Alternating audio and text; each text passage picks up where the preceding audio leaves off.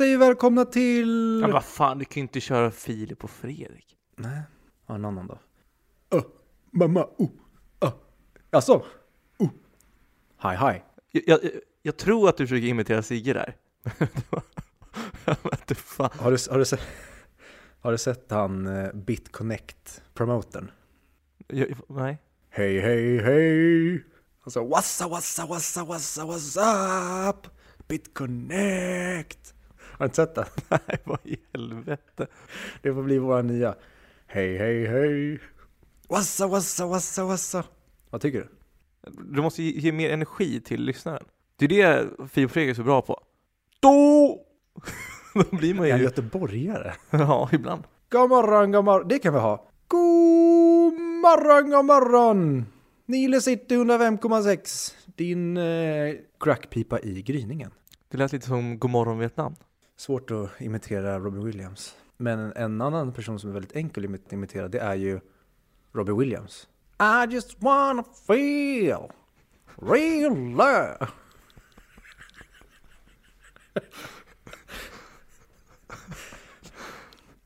Jag la ju upp när, när Robin Williams dog.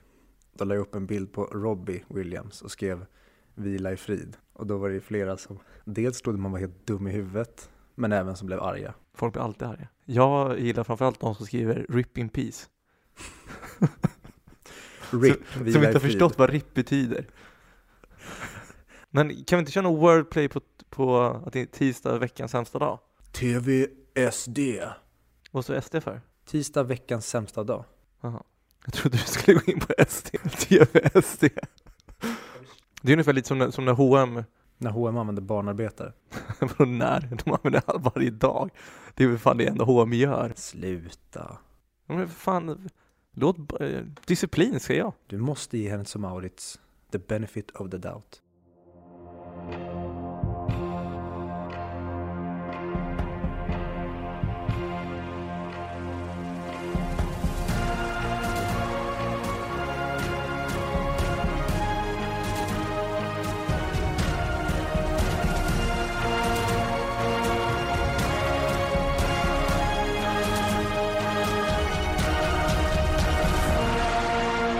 Då mina fellow brothers säger jag välkommen tillbaka till 100 Mic podd avsnitt 97.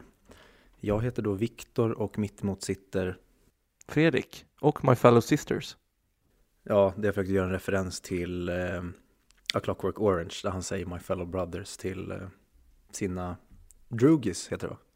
Vi är då eh, podcasten som pratar upp IMDBs topp 100-lista men inte Charlie Chaplin.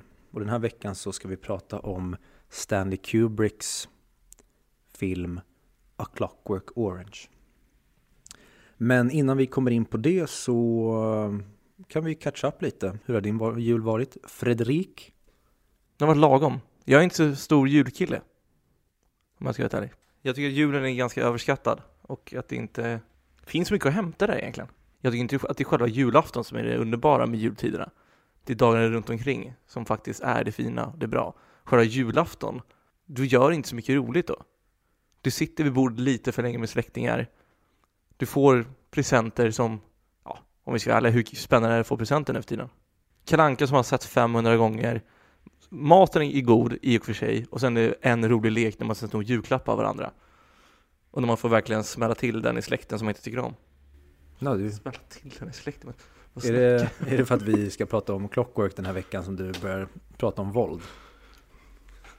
Du är, jag vet ju sedan tidigare, du är ju en man av ultraviolence. Så att det här förvånar inte mig, men ni som lyssnar blir säkert eh, skärrade. Ja, och skärrad blir man också när man ser den här filmen. Mm, men eh, vi ska inte prata om den än, utan eh, jag skulle vilja prata om, för nu är det ju de sista dagarna på året Mm. och det är fortfarande massa filmer från i år som inte har släppts än, i alla fall på den svenska marknaden. Men med det som vi har fått i oss nu skulle jag vilja göra en topp 5-lista på årets filmer. Oh, intressant.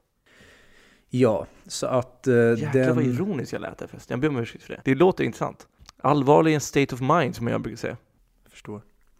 Men så jag tänkte köra min eh, topp 5. Egentligen skulle jag köra en topp 10, men jag kör en topp 5 och sen kommer jag nämna några, några bubblare som jag tycker mycket om men som inte kvalificerade sig. Okej. Ja, och på placering 5 så har jag då valt att eh, stoppa in James Grays rymd-epos Ad Astra. Ad Astra handlar om en eh, värld som är en lite, det är inte så långt fram i tiden men ändå en, ett framtidsscenario där vi har eh, kolon, kolon, kolonialiserat månen och eh, även tagit oss till Mars och försöker söka oss ut i eh, solsystemet. Filmen handlar då om eh, astronauten Roy McBride som spelas av Brad Pitt och han ska då ge sig ut på en resa för att hitta sin pappa som spelas av Tommy Lee Jones som för 30 år sedan plus minus någonting gav sig ut på en rymdresa för att hitta intelligent liv. För de hittar ingenting på jorden. Exakt. Jag kan säga att Ad Astra är faktiskt en film som jag skrivit upp sen jag såg första trailern om den här filmen. Nej, den kan jag verkligen, verkligen eh, rekommendera. Finns den bara på bio fortfarande? Eh, nej, jag såg den på online, som det heter, på internet. Vi behöver inte säga mer än så tycker jag. Precis. Så det är min eh, femma. Och sen så går vi ner till placering nummer fyra. Där jag då har placerat eh, Netflix-dokumentären Tell Me Who I Am. Har du sett den? Eh, nej. Är det, får jag bara gissa vilken det är? Handlar den om två bröder? Ja. Den är, den är, är också på min bucketlista, jag har hört mycket om den. Mm. Det är ju en film som, jag vill inte, vill inte spoila för mycket för den, jag tycker att det, det är ett väl, väldigt spännande narrativ i den filmen. Men det är en dokumentärfilm som handlar om eh, Alex och Marcus som är tvillingar. Alex har då, när de var yngre, är med i en eh, mopedolycka och tappar minnet. Det enda han kan komma ihåg är sin tvillingbror Marcus. Så att Marcus får då lära Alex allting om livet från början. Och sen då får man hoppa till när de är äldre. Och det har visat sig att eh, Marcus kanske inte har varit helt ärlig om deras familjehemligheter under uppväxten. Mm. Det, det, är lite av en, en, psykologisk thriller i dokumentärformat. Ja. Den känns, det, det, är nästan så att den är för bra för att vara sann. Det känns nästan som att någon har fabricerat det här. Man kan inte tro på allting på internet. Jag tror på allt på internet. Fake news. Vad är det? Falska nyheter. Ja. Mm. Kanske ska återuppta den engelska kursen jag påbörjade back in the day. Men nog om mig. Nog om dig. Det är alltså placering 4, Tell Me Who I Am. Om vi går ner på placering 3 då, där hittar vi Robert Eggers The Lighthouse. Och eftersom jag redan eh, spenderade en ganska stor tid i ett eh, tidigare avsnitt att prata om den så kan vi typ skippa den helt känner jag. Eller känner du? Ja, det känns som vi har sagt det vi ska säga. Jag, återigen, en till film som jag har nu sett trailer på och hört talas om, som jag också har på min bucketlist att se. Fan, din eh, bucket-ryggsäck börjar bli stor. Eh, verkligen. Jag har ju tyvärr ägnat för mycket tid att kolla på serier nu. Jag fick kolla ikapp på många serier som jag inte har sett. För jag tycker det är skönt att alltid ha någonting att komma hem till. Jag ska bli bättre på det. Det är mitt nyårslöfte.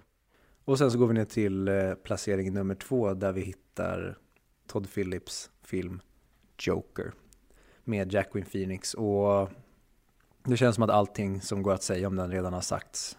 För mig är det, ja, det är en otrolig film och den, jag älskar hur man tar den här redan klassiska karaktären Joker men sätter in honom i ett eh, skitigt verkligt scenario där man får se hur en persons psyke bryts ner.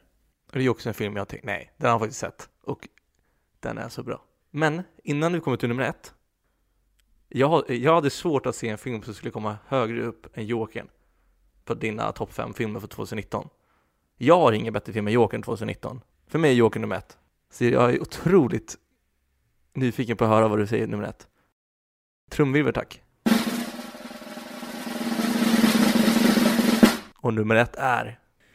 Midsommar. Jag vet inte riktigt hur man ska beskriva den här filmen. Ari Asters drogtripp om eh, fyra amerikaner som följer med sin svenska vän Pelle till Hälsingland för att fira midsommar med hans släkt. Det är ingen bra reklam för oss svenskar. Vi framstår som galna, rent ut sagt. Men filmen är otrolig. Alltså Ari Aster, han regidebuterade förra året tror jag till och med att det var så sent som med eh, Hereditary. Som är en av de bästa skräckfilmerna senaste tio åren. Och han följer upp i år med den eh, svensk amerikansk producerade Midsommar. Och nu har jag aldrig eh, ätit eh, Magic Mushrooms. Men jag har läst från människor som har gjort det att den här filmen är som att visuellt gå på en eh, svamptripp. Och jag blir så fascinerad av när man kan porträttera sådana psykiska upplevelser på bioduken. Så det är en eh, fantastisk film. Det finns en originalversion som jag är, tror är två och en halv timme och sen så såg jag även Directors Cut som klockar upp på tre timmar tror jag. Är man ingen person som har tålamod eller som inte tycker om mer okonventionella filmer så är det här ingenting för dig. Men gillar du någonting som är praktiskt taget spritt språngande galet och obehagligt på ett väldigt krypande sätt så är det här någonting för dig. Så det är årets bästa film. Vi var inne och pratade om skräck innan. Du vet att jag inte tycker om skräckfilmer, traditionella skräckfilmer. Är det här mer som Lighthouse och eh, The Witch skräcktema eller hur skulle du beskriva den här som, som en skräckfilm? Jag skulle, inte, jag skulle inte sätta in den här i skräckkategorin, precis som Lighthouse. Det här är mer en obehaglig film och jag, precis som du, jag tycker inte heller om traditionella skräckfilmer. Det värsta som finns är jump scares. Och jag blir, jag blir, börjar svettas av frustration när till exempel ja, men en film som It, där man bara tar bort alla ljud och man vet att snart kommer det dyka upp någonting här och någon kommer bara smälla på som fan med två kastrullock den typen av skräck. Dels är jag inte rädd för den och två så gör den mig bara fruktansvärt frustrerad för det är så otroligt irriterande att bara sitta och vänta på att okej, okay, nu saktade allting ner, det blev tyst, nu väntar vi på att någonting ska hoppa fram och musiken och ljuden kommer bara slå sönder trumhinnorna på dig. Jag tycker det, är, det har noll effekt, eller det uppnår i alla fall inte den effekten jag tror att den vill uppnå. Så att både Ari Asters Midsommar, Hereditary The Lighthouse och även The Witch är skräckfilmer där det är en svepande obehaglig känsla genom hela filmen. Det är någonting du inte riktigt kan ta på som bara kryper på dig hela tiden. Så du sitter egentligen och är obekväm och lite äcklad filmen igenom. Sen finns det ögonblick i de här filmerna, det finns en, någon jump scare dyker upp. Men det är inte det som filmen kretsar kring utan filmen vill få dig att känna ett otroligt obehag. Och det gör alla de här fyra filmerna mästerligt. Så att eh, det är min topp 5-lista. På, jag kan eh, återupprepa den. På placering 5 Ad Astra. Nummer 4 Tell Me Who I Am. Nummer 3 The Lighthouse. Nummer 2 Joker. Och på första placering Midsommar. Sen har jag några bubblor. Jag kan dra mina placering 6, 7, 8, 9, 10. På placering 6 så har vi eh, Once upon a time in Hollywood, Tarantino-filmen från i år. Den eh, och Ad Astra är typ på samma nivå, men det fick bli Ad Astra för jag tyckte den var mer originell än Once upon a time. Eh, på placering 7 blir det då, har vi Avengers Endgame, avslutningen i Marvels, vad säger man, det är väl deras första era? Jag skulle beskriva det som det, deras slutet på allt de har byggt upp nu under, oj hur många år är det? 12, 14? När kom Iron Man 1 ut? 2007. Låter bekant. Så 13 år. Och sen så på placering eh, 8 blir det då så har jag eh, filmen Honeyboy. Filmen om eh, Shia LaBeoufs liv. Om hur hans pappa utförde psykisk terror på honom för att drilla honom till att bli så bra barnskådespelare som möjligt också otrolig. Där även Shia LaBeouf spelar sin pappa.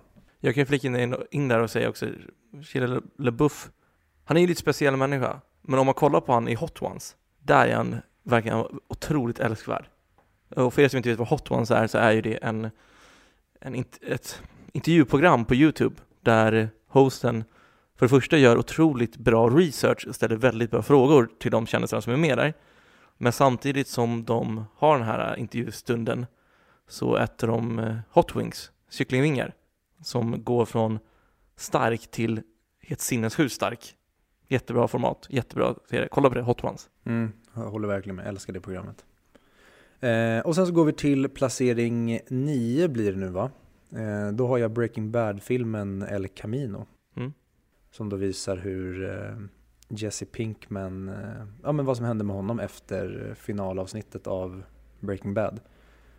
Tycker det är en helt onödig film. Hade inte alls behövt veta vad Jesse Pinkman gjorde efter sista avsnittet. Men ja, får man mer Breaking Bad så good enough. Och sen på plats, plats 10 så är det Dan Gilroys pastisch på konstvärlden, Velvet Buzzsaw. Som säger, det, det, är en- det är en skräckkomedi som nästan blir, eh, ja men den blir så pajig att det nästan blir larvigt till slut. Jag förstår att många inte tycker om den här men jag tyckte det var väldigt underhållande.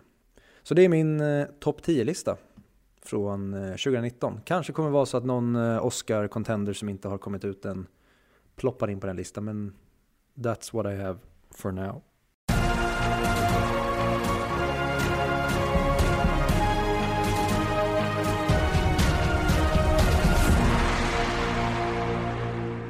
Jag ska härmed presentera Stinson-teorin till dig. Vet du vad det är? Nej. Stinson-teorin kommer från tv-serien How I Met Your Mother. Där Barney Stinson alltid hejar på antagonisten eller skurken i en film eller serie. Som i Terminator hejar han på robotarna, för den heter ju Terminator. I Karate Kid så hejar han på The True Karate Kid. Och det är han den blonda från eh, den där dojon. Som- Vad heter han? Cobra Kai. Cobra Kai, ja. Jag har för, förberett ett test för att bekräfta Stinson-teorin. Och testet kommer, kommer gå ut så här. Jag kommer läsa upp beskrivningen på tre stycken, antingen antagonist eller protagonist. Och du ska avgöra och hur många av de här tre som är antagonister och vilken eller hur många av de här tre som är protagonister. Förstår du ditt uppdrag? Ja, jag är kapten. Är du redo? Ja. Och så sagt, det här är väldigt vagt beskrivna, kan jag bara meddela. Så det kan bli svårt. Du ska lista ut om det är en protagonist eller en antagonist. Bonuspoäng är om du kan ta vilken karaktär det är också. Så du får gärna gissa på det, men huvuddraget är antagonist eller protagonist. Det vill säga protagonist, alltså hjälte, eller antagonist, skurken i filmen. Jag förstår. Ja, men jag tänker för de som inte förstår. Karaktär nummer ett. Det här är en person som hela sitt liv fått kämpa för sin faders kärlek. Han vill ta över hans imperie som lämnas efter, men trots sin hårda träning och dedikation så får han inte det. Flera personer kämpar emot honom, trots att det enda han vill är att få ett bättre rike. Det sker myteri och attacker mot honom. Han måste hålla sin rygg fri. Så alltså en person som ärvt sin fars imperie. Det är människor som hela tiden försöker se till att han inte ska få ta över det här. Det sker myteri och han kämpar hela tiden för att få behålla det. Min initiala gissning hade ju varit eh, Bruce Wayne. Eh, det låter väldigt mycket som en protagonist men eh, jag gissar på att det här är en... Eh, nej men jag gissar på att det här är Bruce Wayne, en protagonist. Okej, låter det hänga kvar i luften så går vi vidare till nästa. Okej, på den här så är det en sida som vi nämner. Och du ska välja om den här sidan är den antagonistiska sidan eller protagonistiska. Och den här sidan är en organisation som hjälper att bekämpa för vår nation. Och vår nation är i största slaget som landet skådat fram till idag. Och till oss så vill en fanatiker bli medlem och han vill spela enligt sina egna regler och sätter inte bara sig själv utan även hans medmänniskor i fara på grund av vad han tror är rätt. Det är något som vi inte kan tillåta och försöker förhindra att han ska få vara med i vår klubb eftersom han riskerar många människors liv och den nationens framtid. Nej, den här var svår. Men jag tror att det är en antagonist. Har du gissning på vad det är för film? Jag tror, jag skulle gissa på att det är ehm, Darth Sidious i Star Wars. Den här är svår tror jag. Det här är en person som har växt upp i en otrygg värld där han har svurit på att aldrig ska hända honom. Det är en värld där vissa människor tidigare har fötts med krafter. Han har tagit på sig uppdrag att spåra en farlig person som har fått tag i ett väldigt kraftigt och ostabilt vapen. Eller det kan användas som vapen i alla fall. Och han tar på sig uppdraget och riskerna som kommer med det för att få en bättre värld och rädda många människors liv som nu står på spel. Oj, det här var svårt. Jag var inne ett tag på att det skulle kunna vara Magneto i X-Men. Sen halkade jag in lite på om det skulle kunna vara någon karaktär från Sagan om ringen, när det kom in på vapengrejen. Men jag vet faktiskt inte. Jag, jag, jag lägger min röst på att det är en eh, protagonist. Så du har prot- protagonist, på första, antagonist på andra och protagonist på sista. Mm. Du har en rätt. Alla de här tre är antagonister. Och det gjorde mig flit för, för att lägga fram hur effektivt eh, Stinson-teorin kan verkligen vara i spel. Men för att gå igenom, som sagt, det här gjorde jag väldigt svårt med flit. Första karaktären, så alltså en person som har ja, kämpat hela sitt liv för sin faders kärlek, kan ta över imperier som han lämnat. Det är då Emperor Commandos i Gladiator. Så Jackman Phoenix karaktär. Exakt. Eh, som vi, vi ska komma tillbaka till sen när vi diskuterar en bra antagonist. Andra, som också var väldigt, väldigt svår, det är från eh, Hoxhaw Bridge. Det är militären. För Hoxhaw Bridge är en film som handlar om han fanatiken, eller fanatiker, ja det kan man väl kalla han, väldigt religiösa människan, som vägrar hålla ett vapen men ändå vill vara med i, i militären. Och de vill inte ha med honom först ju. Så han- de, de är ju antagonister som han kämpar mot. Och man kan ändå köpa det sida, en person som vägrar hålla i vapen, det är ju, vad ska han göra? Nej, bra. Du, du har lurat mig. Och sista är ju då antagonisten i Logan, alltså filmen om Wolverine. Åh, den t- men den trodde jag var, den tänkte jag det här är för uppenbart. Ja, du tänkte det? Ja, Ja, men det, det var därför jag, jag la till med krafterna, för jag var osäker på om du skulle ta honom eller inte. Men det är ju alltså då Pierce heter han, som spelas av Boyd Holbrook, som är mest känd som Steve Murphy i Narcos. Och det är ju då alltså, den här kraftiga och ostabila vapnet är ju då Charles Xavier. Köper du det? jaha, jag kanske minns Logan-filmen, men inte ungen-vapnet. Nej, ungen är, det är ju ungen de vill få tag i, för ungen är en kopia, men de vill ju jaga ner, de vill ju få tag i Charles också, för det är han som är den farliga, tror jag. Ja, skitsamma, folk får berätta oss. Och, och det här är alltså, och det vill testa nu, Viktor. Hur skulle du beskriva en bra antagonist? Någon som är nyanserad. Det kommer in någon med ett annat typ av tankesätt, men som man ändå kan relatera till. En bra skurk måste alltid vara relaterbar. Personen kan inte bara vara ond, han måste bara ha ett ett annat motiv. Eller se världen på ett annat sätt än vad våra protagonister gör. Men om vi då tar The Emperor i Gladiator som eh, vårt exempel på en bra antagonist. Tycker du att han är en bra antagonist? Det var så länge sedan jag såg Gladiator, men jag minns bara honom som genomond och girig och rädd och avundsjuk. Men att han ändå funkade, men jag minns inte som honom Jag minns inte honom som någon som man skulle kunna säga är en eh, protagonist. Så du får gärna förfriska mitt minne på vad, vad är hans motiv egentligen? Eller varför skulle du, om du ens kan göra det, om du ens kan se honom som en protagonist? Jag vet fan inte om jag kan det. Nu, nu, nu när du uttryckte det sådär. Nej, för hela hans grej som jag minns det i alla fall är att han blir avundsjuk på Maximus för att hans pappa ska utnämnas Maximus till hans arvtagare till romarriket. Istället för honom. Ja, precis. Att han drivs av hämndlust och avundsjuka och rädsla och vill egentligen bara straffa Maximus samtidigt som han vill eh, ta kontroll av riket. Ja, men det, det är precis som du säger, en bra antagonist, du måste kunna känna någon empati och sympati för den här personen. Du måste kunna se att, att det finns saker som har gjort att den här personen nu tänker och ser världen på det sättet som han eller hon gör. Och det är det som man måste ha, tror jag, för att vara en bra antagonist. Och självklart finns det ju då undantag till den här regeln. Ett, sär, ett särexempel på det här är Jokern i The Dark Knight, som man inte har någon sympati eller empati för, utan som bara är en, en galen kraft i den här världen. Men ändå lyckas de med det. Och kan det vara så att var, varför den Jokern är så hyllad och är en så bra antagonist är att på något sätt har de lyckats med att göra en rent ond, galen människa med ett mål så pass underhållande. Eller vad tror du? Ja, men jag skulle ändå säga att det finns nyanser i den karaktären. För han, hans mål är ju ändå att, vi vet ju inte var han kommer ifrån, men han vill ju dra ner Batman i skiten. Han, vill, han tycker att Batman är typ en hycklare för att han tycker att han står över de andra skurkarna. När Jokern egentligen vill säga att du är precis som oss. Du är en galning som bär mask och går runt och gör saker som du tycker är rätt. Han är egentligen bara en spegelbild av Batman och vill dra ner Batman i lerhögen och så att de kan fightas på samma nivå. Så att hela hans mål med filmen är ju att han vill se till att Batman bryter sin enda regel. Att inte döda. Så där tycker jag att han inte bara är enspårig och galen utan det finns lager i honom och det tycker jag även att han uttrycker i, i filmen. Att han ger många förklaringar till på hur de ser på sin, sin trygghet och sina positioner och han, han, han, leker med de som styr stan samtidigt som alltså han, han, han använder stadens folk och de högt uppsatta människorna som marionettdockor för att locka, ner Bat locka ut Batman från mörkret och få honom att leka med honom i hans lekplats. Jag tänker på det också, bara grejen med att han alltid svarar olika på hur, hur han fått sina R. Det känns som en subtil berättelse till att han har haft ett väldigt ostabilt liv innan. Ja, men också så dels så kan man se det som att han är, han är spritt galen.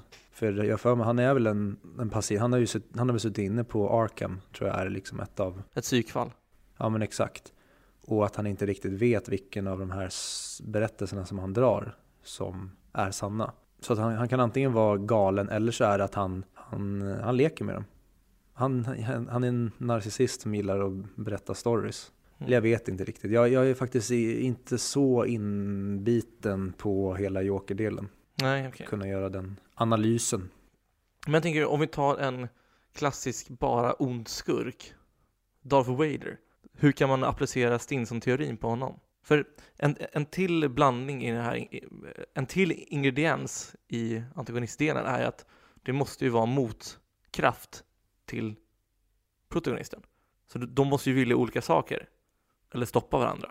Och det är ju så, Luke vill ju stoppa Darth Vader och hela eh, The Empire.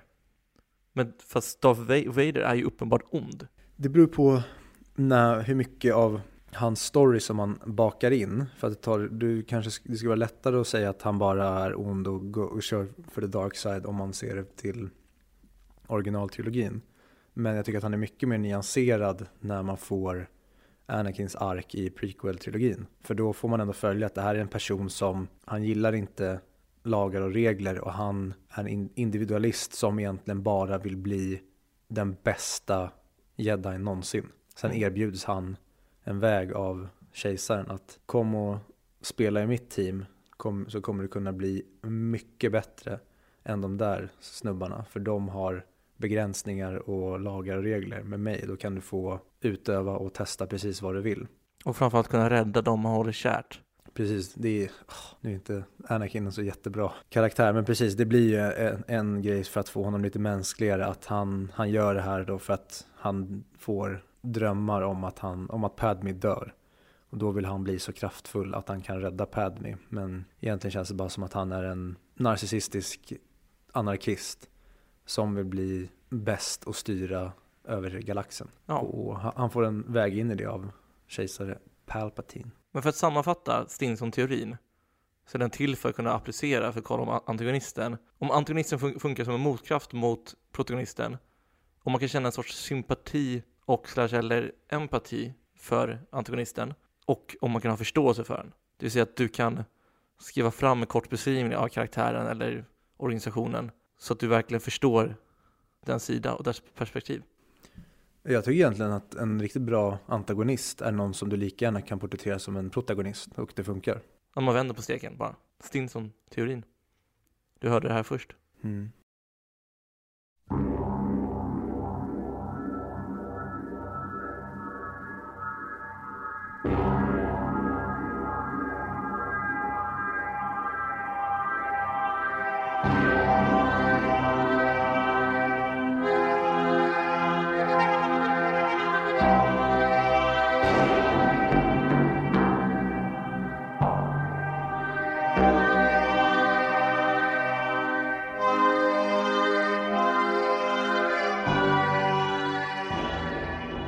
Men då var det dags att prata om eh, Stanley Kubricks A Clockwork Orange från 1971 som då befinner sig på plats 97. Och eh, A Clockwork Orange är då en film regisserad av Stanley Kubrick från 1971 och den handlar då om eh, Alex som är en minst sagt eh, dekadent ung herre. Det är en snar framtid som är lite dekadent och upp upp och, upp och nervänd. Eh, och mer än så tycker jag kanske inte att man, vi ska säga innan vi kanske går in lite mer på regissören då som är en högst intressant herre. Vad har du för relation till Stanley Kubrick? Jag vet att han har gjort många märkliga filmer. Bra, många märkliga filmer, bland annat den här och bland annat 2001, Ett rymdäventyr. Ja, Stanley Kubrick, han räknas ju som, av många som den bästa regissören som någonsin har funnits. Han har ju ett antal filmer på topp 250 och han har många av dem på topp 100. Så att det, är inte den första, det är inte den sista Stanley Kubrick-filmen som vi kommer prata om. Men eh, det är den första. Har, eh, men du, du har alltså bara sett 2001 innan du hade sett den här? Vad jag minns, ja. Kan du berätta lite vad du hade för förväntningar inför? Jag hade förväntningarna att jag skulle tycka att den här var lite mambo jumbo. Att det skulle vara lite oklart, lite otydligt, att det har varit i så många olika dimensioner och lager i filmen att man inte riktigt skulle hänga med på vad, vad fan de menade. Lite samma stuk som 2001. Ja, Och eh, jag har inte sett alla av Stanley Kubricks filmer, men jag har sett de flesta. Och jag håller med om, om det som du säger, även fast jag kanske inte skulle uttrycka det som mumbo jumbo eller mambo jumbo. Men det som jag tycker är så fantastiskt med Stanley Kubricks filmer är att allting skrivs inte på din näsa, utan det här är filmer du framförallt måste se om för att greppa precis vad det är han vill förmedla. det känns lite som att du kritiserar mina förväntningar. Eh, och då, då vill bara säga att det här var, då, det var, det var förväntningar jag hade, inte vad jag tyckte. Det kommer vi in på sen. Nej, det var bara hur du, det lät som att du, du beskrev förväntningarna så utifrån att du hade sett 2001. Men jag kan ha missuppfattat. Mm. Ja, det gjorde du. Förlåt, jag ber så mycket om ja, ursäkt. Tur för den här gången. Men eh, den här filmen är väldigt intressant. Jag tänker innan vi går in på vad vi faktiskt tyckte. Så jag har ju hört att eh, det är ganska svårt att jobba för honom. Han är ganska hård som regissör. Han är inte känd för att ha få tagningar. Jag fick höra att sista scenen på uh, Clockwork Orange, att det var 74 tagningar för den. Det är ju helt sinnessjukt många. Filmade man på film också. Så det var inte digitalt, du kunde ta hur många tagningar som helst. Ja, fy fan vad hemskt. Och sen fick jag också när han Malcolm, heter han, Malcolm McDowell, Mm, som spelar huvudpersonen Alex. exakt. Det finns ju scener när han sitter där med ögonen uppspärrade. Och man tänker ju att hur löste de det där för att göra det skönt för skådespelaren? Mm. Men det gjorde de inte. Han han var ju tvungen att, att bedöva ögonen. Och trots det så blev han förblindad i någon dag på grund av att de här metallklämmorna åkte in i, i hornhinnan och Jag tror han repade hornhinnan. ja, det är sinnessjukt. Och att det var ju en riktig doktor som stod bredvid som droppade ögondroppar i ögonen för att de inte skulle torka ut. Och att själva filmen var ju fyra timmar först. Ja, och en annan jävligt tråkig grej tycker jag det är att när, för de anställde klippare utifrån så fick komma in att, och klippa ner hans version. Och jag vet inte om det var på grund av att han tog så illa vid sig men han såg till att hans assistent brände eller i alla fall raderade allt bortklippt material. Ja, det, det, jag tänker lite på Billy Walsh i Entourage Ja, när jag hör det där. Som blir så förbannad, han bränner med upp allting. De har lagt ner typ hur mycket tid som helst och mycket resurser som helst på att införskaffa. ja nej, konstnär, eller konstnär, regissörer är en eh, speciell art. Ja, det är de verkligen. Men så eh, dina förväntningar var alltså du, du, du förväntade dig lite mambo jumbo. Jag trodde att, att det skulle vara en film som många hyllar, men jag skulle inte gilla den. Och jag har sett den här filmen en gång tidigare och förstod den inte riktigt då. Eh, utan det var, fick läsa mig till lite teorier och förklaringar om många grejer. Men det var så skönt nu att ha första tittningen, att den hade ett par år på nacken och även när jag fick analysen utlagd för mig då att den fanns med mig sen tidigare. För nu när jag såg om den så förstod jag egentligen vad filmen vill skicka för budskap. Så att eh, jag klev in i, i den här tittningen med eh, höga förväntningar. Hur blev det då efter du såg den? Innan vi går in på det, hur, hur tycker du att förutsättningarna var? Hur, hur var tittningen? Eh, tittningen var bra. Jag satt egentligen fängslad rakt igenom och jag, när jag har en riktigt bra filmtittning så involverar den mycket bre, brett leende och gåshud och det hade jag mycket under den här tittningen. Bra. Mm, och eh, vad kan du säga? Vi, vi kan ju dra kanske en lite mer djupgående förklaring om vad filmen handlar om. Filmen utspelar sig då i en eh, lite dystopisk framtid, eller i alla fall en dekadent framtid där saker är överdrivet och extravagant. Det känns som att lagar och regler inte riktigt gäller längre och det får vi även berättat för oss av karaktärer. Men vi får då följa Alex som är en, jag tror att han ska, han ska spela 15 eller 17 år, men spelas av en 27-årig eh, Malcolm McDowell. Och eh, en annan grej var att Stanley Kubrick ville bara, kunde bara tänka sig Malcolm McDowell som Alex. Så att hade han inte fått honom till filmen så hade han skrotat projektet. Så att eh, Malcolm McDowell behövde inte ens eh, provfilma för rollen utan han fick rollen direkt av Kubrick. Och eh, Malcolm McDowell kände inte heller till vem Kubrick var innan. Så att han fick 2001 visad för sig. Och jag tror att det räckte. Sen var han såld. Ja, minst sagt. Eh, men den, den handlar då om eh, Alex som spelas av Malcolm McDowell. Och han är då 15 eller 17 år, bor hos sina föräldrar. Och om man egentligen ska beskriva vem han är, han är en otrolig narcissist. Han ser sig som en person som är över alla andra. Han har inte riktigt sympati för någon annan. Han drivs kort och gott av djuret inom honom. Han drivs bara av impulser och lust och begär och tänker inte så, har inte så mycket konsekvenstänk utan han gör det som han känner för. Vill han stjäla någonting, då stjäl han det. Vill han slå någon, då slår han den. Också, han är väldigt intelligent, han är väldigt kulturell, han är väldigt eh, välartikulerad. Han har till och med, han är så duktig på språket att han har börjat hitta på egna fraser som drugis använder han va? Mm. Och bog, ja men han, han hittar på egna ord, till exempel bog, det är hans eget ord för Gud. Eh, så att i filmen så förstår ibland inte karaktärerna och även inte vi vad han menar för att han ja, slänger in sina egna påhittade ord när han väldigt elegant och väl artikulerat för, alltså pratar ner folk. Han visar hur överlägsen och hur lite han tycker om andra genom att egentligen prata ganska överlägset till dem. Och han då är ledare över ett eh, gäng med, han har då tre gängmedlemmar som han styr över. Och det de praktiskt taget spenderar sin tid med är att åka runt och eh, vara ultra när det kommer till allting. De är ultravåldsamma, ultrasexuella, de är egentligen on top med allting. De, de söker kickar hela tiden och gör det de känner för och försöker hela tiden tänja på gränserna och bräcka det förra de har gjort. Ja, exakt. Det är ett gäng ungdomar som har noll empati och sympati för omgivningen. Utan prioriterar sina e-, egna lustar och sina egna djuriska instinkter före allting annat. Och det är lite grann vad temat är i den här filmen. Att om vi ska försöka trycka ihop det hela att Alex och hans gäng, de är ute med, och de bär, har även, alla har matchande dräkter, de bär vita typ, vad är det, typ brottardräkter.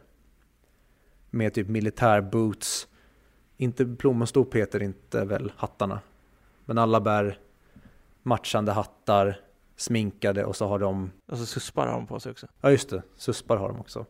För att ibland så hamnar de i bråk med andra gäng och då vill de ändå skydda sin, sina juveler i den här världen då, för att det är en värld som inte är så väldigt dekadent. Den liksom, det är skitigt, det är smutsigt. Man märker att, och som, och som de också säger, att det är lag och ordning gäller inte längre. Folk tar lite grann vad de vill ha. Och Alex och hans gäng åker runt och egentligen misshandlar folk, stjäl saker, våldtar folk, eh, egentligen gör precis det de känner för. Och det här slutar med att han eh, med sin narcissism och sin överlägsenhet eh, gör sina gängmedlemmar eh, lite förbannade på honom. Så att en kväll när de gör en eh, liten kupp hemma hos en kvinna som det slutar med att Alex dödar så drar hans polare en eh, mjölkflaska i huvudet på honom samtidigt som polisen kommer. Så att polisen plockar honom, han åker in på, eh, i fängelset 14 år för mord. Och det är egentligen början på filmen. Och det är ju, ja exakt, det är ju första akten på filmen. Och sen kommer man in i fängelset, så får man följa Alex resa. Om vi kanske ska prata lite om då omdöme. Mina förväntningar var ju som sagt mumbo jumbo och så vidare. Och jag vet inte vad det är, men jag kan inte släppa filmen. Jag kan inte släppa allt från första scenen när man ser Alex stirra in i kameran, till musiken, till att, att hans ena berättarröst som är... Det, det är någonting med den här filmen och jag hatar det. Jag hatar att jag gillar den här filmen. För jag vill inte vara en av dem som och den är så bra, men jag vet inte varför, för alla andra tycker om den. Och eftersom jag inte vet varför jag gillar den, så kan det lätt vara så att, att jag gillar den för att man ska gilla den. Det är det jag hatar. Nej, men jag kan relatera till, för första gången jag såg den så kände jag likadant. Jag, så, jag kände bara, jag vet inte vad det är med den här som tilltalar mig. Men egentligen så är det så att fotot är otroligt. Hela set, eh, alltså dekorationerna, hur kostymerna är upplagda, hur världen ser ut är också otroligt. Dialogen i filmen är så fascinerande, hela hur, hur den är berättad. Och jag tror att det är, det är någonting som Kubrick lyckas med är, han utforskar vår mänsklighet på något sätt. Det kan vara så att jag är helt ute och flummar nu och ingen kommer förstå vad jag menar. Men han, det som jag tycker är intressant med filmer är att man kan berätta en historia och utforska filosofiska drag, tankesätt, vår mänsklighet ner till det lättaste lilla djurinstinkten som vi har inom oss. Och vad som gör oss mänskliga och vad det innebär. Det måste vara det som tilltalar mig tror jag. Det som jag också tycker är så otroligt bra med den här filmen, inte bara alltså, huvudtemat, musiken. jag oh, kan lyssna på det hela dagen. Men även hur hela filmen är egentligen en, ett filosofiskt dilemma om att leva gränslös och bara följa sina djuriska instinkter som Alex gör i första delen av filmen. Att han bara egentligen gör precis det han vill och det han känner för. Och söker de här kickarna och de här gränserna hela tiden med ultravåldet. Men sen även när han då utsätts för det här experimentet och buras in och känner de här kräkreflexerna och obehaget när han utsätts för de här grejerna som han tid, tidigare dragits till. Vad är bäst att leva som? Någonting gränslöst och djuriskt och kanske rent sagt ondskefullt är att leva som någonting gott men inne i en väldigt tajt och trång bur. Vad är det rätta? Men det märker vi lite i filmen också att det är inte okej. Okay. För, för det är ju det är många som är emot politikerna och mot de som styr i landet. Och, och de vill ju använda Alex som bevis på att det här är inget bra styrelsesätt. Vi kan inte kastrera människor på det här sättet.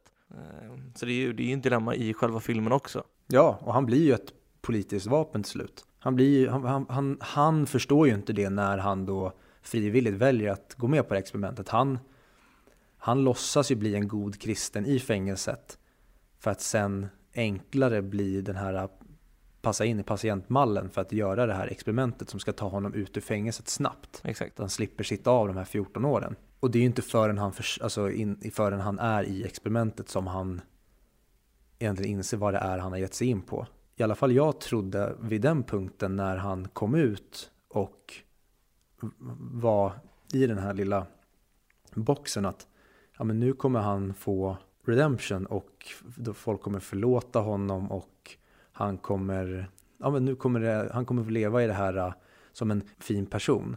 Men det enda som eh, händer honom i filmen, det som Kubrick gör med honom, det är att alla de som han skadade innan han åkte in i fängelset skadar sen honom tillbaka. Så det är egentligen, man tror att filmens essens ska vara att vänd den andra kinden till man tror att okej, okay, nu har han fått sitt straff. Han har fått gå igenom det här. Men sen när han kommer ut igen så har han, han har redan straffats i sin natur och blivit begränsad. Men sen straffas han även av dels den här uteliggaren som han misshandlade i början. Han tar, tar ut sin hämnd på honom. Hans eh, två gamla gängpolare som nu är poliser tar ut sin hämnd på honom. Och även mannen vars eh, fru han våldtog och mannen som de misshandlade så illa att han hamnade i rullstol tar ut sin hämnd på honom.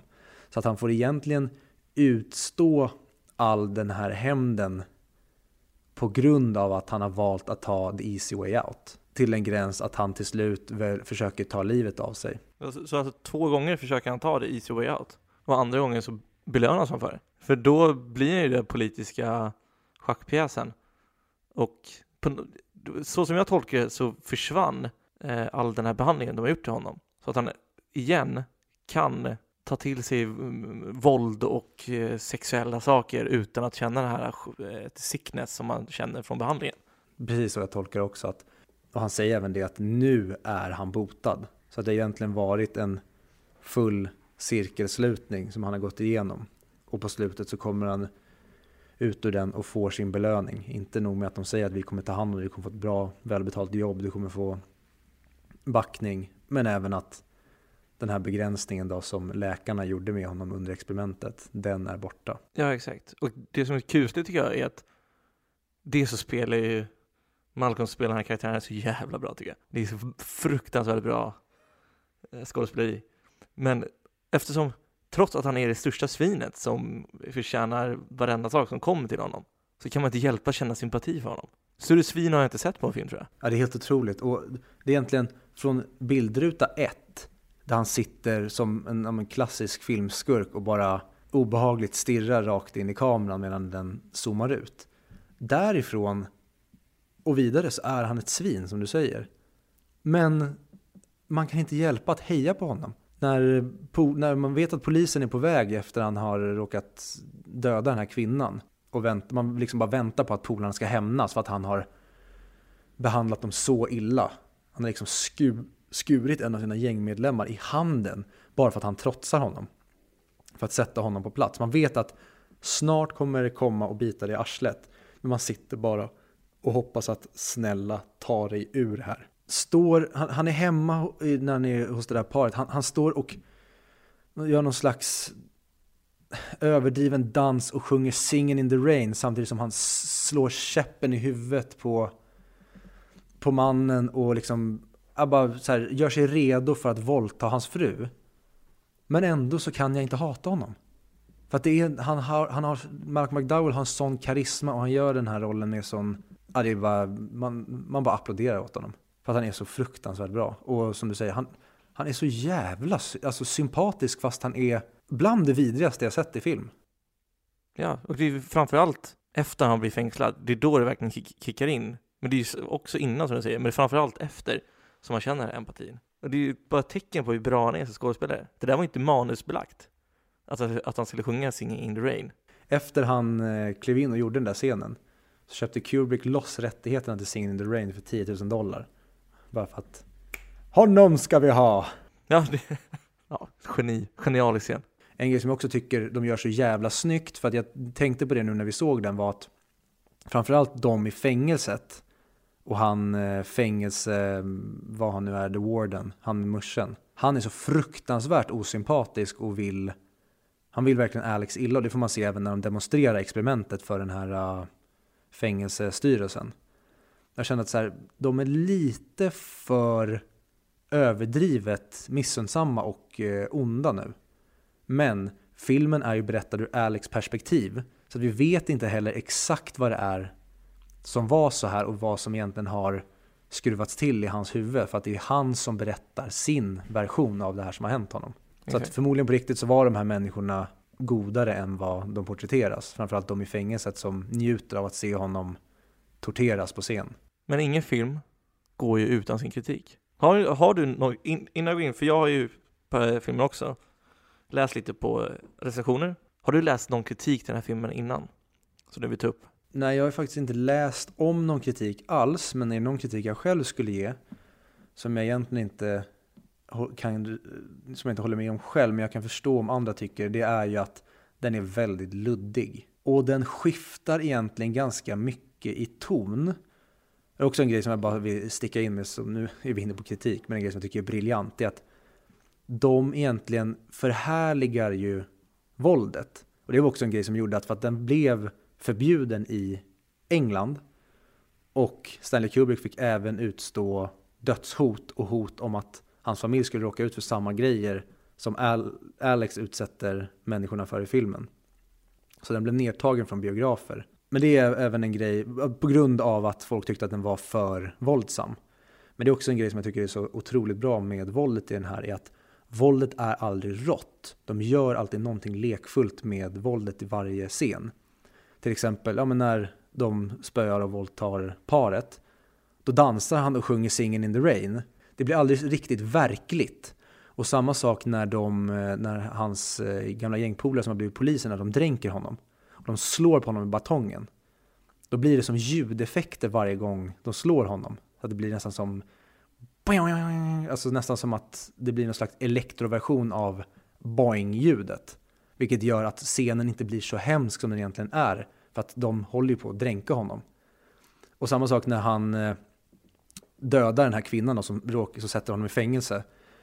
Då håller han egentligen på att dansa runt henne med en stor eh, penisstaty. Och håller egentligen på och leker och driver med henne. Och då har man liksom kameran bakom hans axel medan han hoppar runt. Och det är liksom glad, lättsam musik till det här. Och sen när han till slut slänger den här jättestora penisen i hennes huvud som dödar henne. Istället för att man får se hennes huvud krossas eller något sånt där, då blir det egentligen som en, en stor, man får se en, ett konstporträtt av en stor mun. Så att de e-, egentligen, Kubrick leker hela tiden med, att, med våldet istället för att göra det väldigt rått och verkligt så blir det hela tiden lekfullt på olika sätt. Och det tycker jag är en grej som är otroligt bra med den här. Men jag kan förstå de som inte tycker om det. Som tycker att det kanske blir plojigt eller att det blir oklart. För det är någonting som jag tycker Kubrick gör väldigt bra om man är en fan av hans filmer. Det är att han, han inte skriver saker på näsan utan vissa grejer får man faktiskt förstå andra gången, tredje gången eller man faktiskt får läsa sig till vad sakerna betyder i hans filmer. Så det kan jag förstå att folk inte tycker om, att han är lite luddig och vissa saker är så här, vad, vad var meningen med det här? Fattar inte. Att det inte finns någon klar, han vill inte, han vill inte lära, eh, han vill inte lära publiken en läxa, utan han, han vill öppna fri för tolkning när du ser den. Jag har försökt läsa lite vad för kritik den här filmen kan få. Den klassiska kritiken som alla borde skriva är att den är väldigt oklar. Den är, det kan vara, om du inte kollar på den helhjärtat så är det svårt att komma in i filmen. Du måste verkligen ha tyst runt omkring dig. Du kan inte sitta och halvkolla på filmen för då kommer du tappa bort dig direkt. Vi behöver inte gå in på vad sättet just nu, men om det är någonting jag också tycker är att det var en, en historia som var väldigt fascinerande att följa. Men jag vet inte exakt vad man kan ta med sig från det. Vi var inne på det innan när vi diskuterade eh, mänskligheten, att gå till grunden i det. Men det känns mer som att det var en utforskande än ett upplärande, ett budskap som skulle sändas. Det var som, som jag sa innan, det vi pratade om, att den, den, den försöker utforska mänskligheten och mänsklighetens djuriska instinkter. Men den ger dig inga svar. Så du kan känna dig tom efter att har sett den på det sättet. Som om, om man tycker att filmen är luddig så gör det ju även, för det är två politiska sidor som slåss mot varandra i den här filmen. Det är ju då en liberal sida och en totalitär sida. Och det är precis det som Alex får gå igenom. Han får vara liberal, han får vara fri i början av filmen. Och friheten missbrukas av honom. Sen blir han inlåst och liksom totalkontrollerad då av den totalitära sidan. Och då får man även se liksom vad båda de här sidorna kan göra med det hela. Men det är som alltid med Kubricks grejer, det är inte glasklart. Och därför förstår jag om, för så, så kände jag nog lite efter första gången jag såg den också, att vad fan var, vad var meningen med det här? Men precis som du sa, jag kunde inte släppa den. För att det var så mycket i den som var så fascinerande. Och därför gick jag tillbaka och därför blev jag också intresserad av att läsa mer om filmen, vad, vad allt det här betydde. Och nu även när jag såg om den massa år senare, så när allting satt, då var det bara som att ja, men se en, en mästare spela på sitt piano. Ja, men, eh, verkligen, det, jag kan inte släppa den. Den är, den är så fascinerande. Och den är så bombastisk, alltså hur de jobbar med kameran och musiken tillsammans och gör det här lekfulla är I love it, som man brukar säga.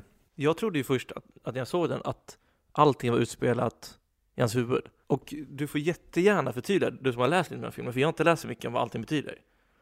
Men allt ifrån att det finns, att det finns fyra manna gäng verkar det som i den världen. För man får ju se något gäng som också försöker våldta någon kvinna som har fått med sig till en teater. På något sätt så har det blivit en grej där, vilket också är väldigt Jag tror inte det har så mycket med just att de är fyra att göra. Jag tror det är med det, nej de är fem till och med. Okay. För jag kommer ihåg att de slåss mot en man mer. Eh, men just att bildas gäng, men det är väl någonting vi kan se alltså, även i vår verkliga värld. Att gäng bildas och liksom försöker ta sina territorier. Sen är de här gängen kanske lite extra extravaganta och liksom har sin, sina speciella uniformer som är kanske lite over the top för att visa att vi hör ihop. Men jag tycker att den, för att, har du läst eller sett eh, boken eller filmen 1984? Nej, men jag, känner till den. För jag tycker att det, den här filmen skulle nästan kunna vara som en prequel till den. För i 1984 så har England har blivit en totalitär stat där det finns till och med en en, poliser som kontrollerar tankar. Att du kan straffas för det du tänker. Och det känns lite som att det här skulle kunna vara ett frö till det från den här totalitära sidan som då gör, de bryter ner det till att bli den här äh, skulpturen av precis det deras syn på samhället vill att du ska vara. Och det, det här samhället, om den totalitära sidan i den här filmen skulle vinna det här politiska slaget, så skulle det här samhället kunna utvecklas till samhället 1984. Men kan du också förklara mjölkbaren? Nej, det är bara liksom det, den här världens version av en, eh, av en bar. Och de eh, går dit och dricker någon ja, men, mjölk med någon slags substans i som gör att man blir lite het på gröten. Men någon slags drog finns i den här mjölken. Deras version av att gå och dricka bärs. Det verkar som en otroligt fetischbar. Med skylt, nakna skyltdockor som kommer mjölk i bröstet och alla möjliga hål. Mm. Men det är också bara ett snyggt sätt att redan i första scenen visa för oss vad för typ av värld det här är. Hur folk ser ut. Han, hans mamma till exempel, hon, hon verkar ju vara en väldigt normal och gullig och mysig tant. Men hon ser ut som den liksom galnaste, mest eh, dekadenta tanten med sina eller latexkläder och jättefärgglada peruker. Så redan där etablerar de vad för typ av värld det här är. Mm. Om du och jag skulle skapa sånt här gäng, inte likt dem, men, om vi skulle skapa ett gäng, vad hade, hur hade vår uniform sett ut? Vi hade varit nakna. Varför det? Det, då blir det bara så enkelt och djuriskt. Och känna igen varandra. Mm, och så hade vi sprungit på alla fyra. Vem är din kompis? Ja, det är han den nakna killen som springer på alla fyra där borta. och så börjar, luk- så så börjar lukta på dig. Ja, vi, vi missade analysen av filmen och istället för att vi började utforska ja, fil- filosofiska grejer och kanske tänja på gränserna, då misstolkar vi och vi går tillbaka till apstadiet. Obehagligt. Jag längtar. Eh, men var vi klar med kritiken? Jag tror det. Gillar, gillar du inte sidospåren? Skitsamma. Ja, men vi, vi älskar den här filmen. Eh, båda två, som jag förstår det. Alltså, det är det som är svåra. Jag, jag vet inte om jag älskar den, men jag kan inte släppa den. Och jag tycker den är väldigt, väldigt bra. Jag är väldigt fascinerad. Och eh, om vi ska gå in på eh, betyg. Okej. Det är en film som har varit svår att smälta. Men jag måste sätta den i relation till andra filmer. Den är väldigt oklar, men den, den gör någonting som jag älskar hos filmer. Den utforskar filosofiska tankar och ideologier, problem och allt sånt där. Den tvingar mig att anstränga mig mer än man kanske vill. Den tvingar mig att läsa och ta reda på saker efter. 4 av 5, 9 av 10. Och Mick är väldigt svårt att sätta tycker jag eftersom det, det, är, det är så mycket relation till de andra filmerna. Jag har inte sett alla filmer så jag ska säga snabbt. Tycker du att den hör hemma på topp 100? Ja. Och jag kan bara stämma in, jag älskar den här filmen och jag älskar Stanley Kubrick.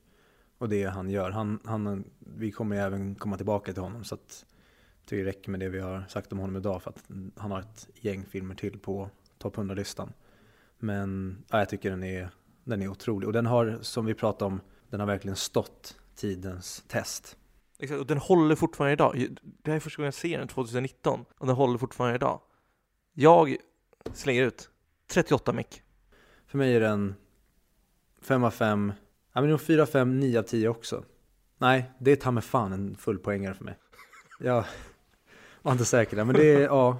Och den, den får landa in på 50 mick för mig. Nej, fuck it. 30 mick för mig. Du ska alltid slå mig. Fysiskt Ja, och psykiskt. ja, det är bara för att du har sett filmen. Det är så jävla mycket svårare än vad jag trodde att sätta betyg. Eh, men det var väl allt för det här avsnittet skulle jag säga. Jag tror det. Och återigen, hör av er till oss om ni har feedback. Om ni tycker någonting är mer roligt att lyssna på och någonting är mindre roligt att lyssna på. Vi har fått några frågor och eh, förfrågningar, men eh, de, de kommer komma.